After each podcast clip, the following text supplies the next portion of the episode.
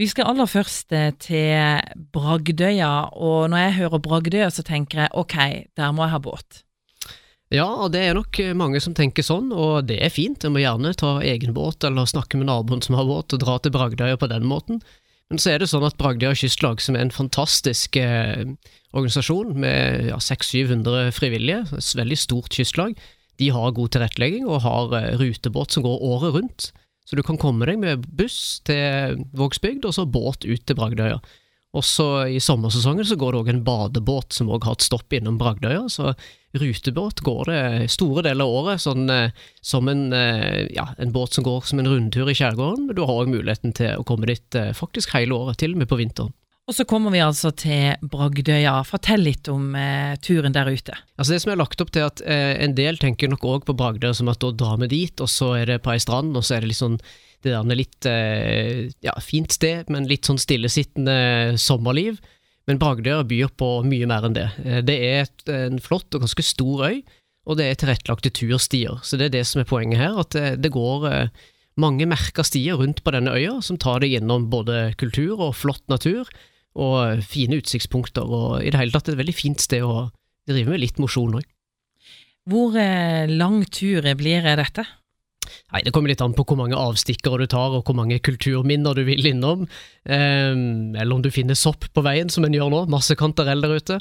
Men i utgangspunktet så er rundturen da, som følger liksom kystlinja rundt hele øya, det er mellom 3,5 til 5 km, avhengig av hvordan en velger å gå den ruta. da.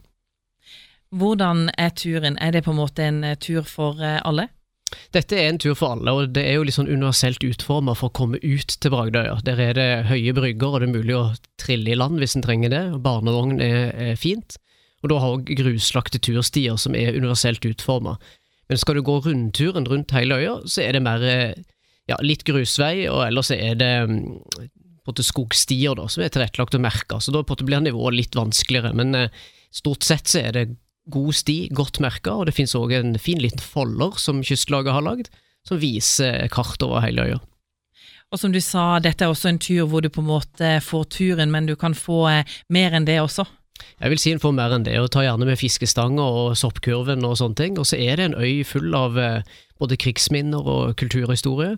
Og du kan òg eh, gå over en ny tilrettelagt bro som tar deg over på Langøya, som kan gi deg en en morsom, fin liten avstikker da, eh, ut på en, en holme til som du får på kjøpet hvis du går over denne broa. Er det sånn at, eh, for du nevnte dette med at folk tenker kanskje på Brogdøya som en eh, badeplass, er det få som vet at det også er et fint turområde? Altså De fleste oppholder seg rundt eh, Bagdøya kystlag sitt eh, kystkultursenter, hvor det òg er en kafé som er åpen i, i sommerhalvåret. Så, så, det er mye liv rundt der, og det er jo veldig fint. Du får med deg litt den gode kystfølelsen og kystkulturen der. Men, men, jeg møter veldig sjelden folk som trasker så mye rundt på øya. Da blir det litt sånn eh, de hovedfartsårene da, inn til Taulovs hus, som har sin historie. Men, men, akkurat disse turstiene rundt er ikke så mye brukt, så de, de, fortjener mer bruk. Det er det som er poenget her.